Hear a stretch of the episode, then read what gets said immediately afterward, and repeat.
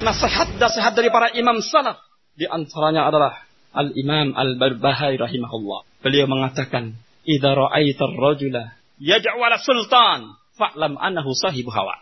Wa idza ra'aita ar-rajula lis-sultan bis-salah, fa'lam annahu sahibu sunnah insyaallah."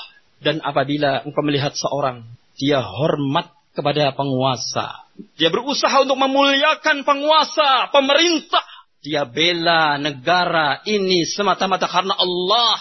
Tidak ada tendensi dan tujuan duniawi sedikit pun. Dia doakan pemerintah, penguasa dengan doa-doa yang insya Allah. Orang yang mendoakan seperti ini adalah dia digolongkan sebagai orang-orang yang di atas sunnah.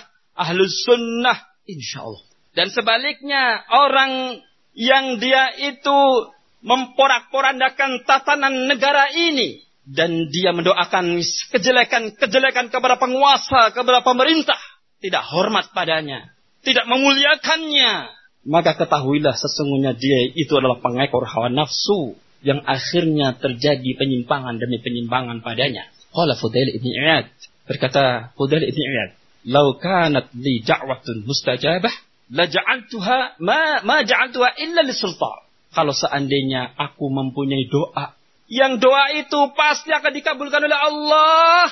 Niscaya pasti aku akan panjatkan doa tersebut untuk penguasa saya, untuk pemerintah saya. Ini menunjukkan betapa ikhlas dan kejujuran dia dalam iman kepada Allah. Dan betapa dia itu lebih mengutamakan kemaslahatan daripada dirinya.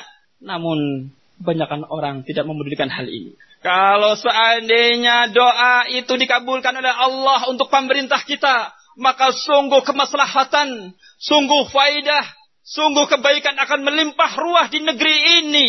Di negeri kita ini akan melimpah ya ikhwan. Maka jangan lupa, sebelum kita mendoakan untuk diri kita dan keluarga, kita sisipkan doa tersebut untuk penguasa kita, untuk pemerintah kita. Mudah-mudahan Allah Subhanahu wa taala memberikan kekokohan kepadanya, memberikan keutuhan, kekuatan iman kepada penguasa kita, pemerintah kita ini. Karena dengan baiknya pemerintah, masyarakat dan semua itu akan hidup dengan tentram dan nyaman.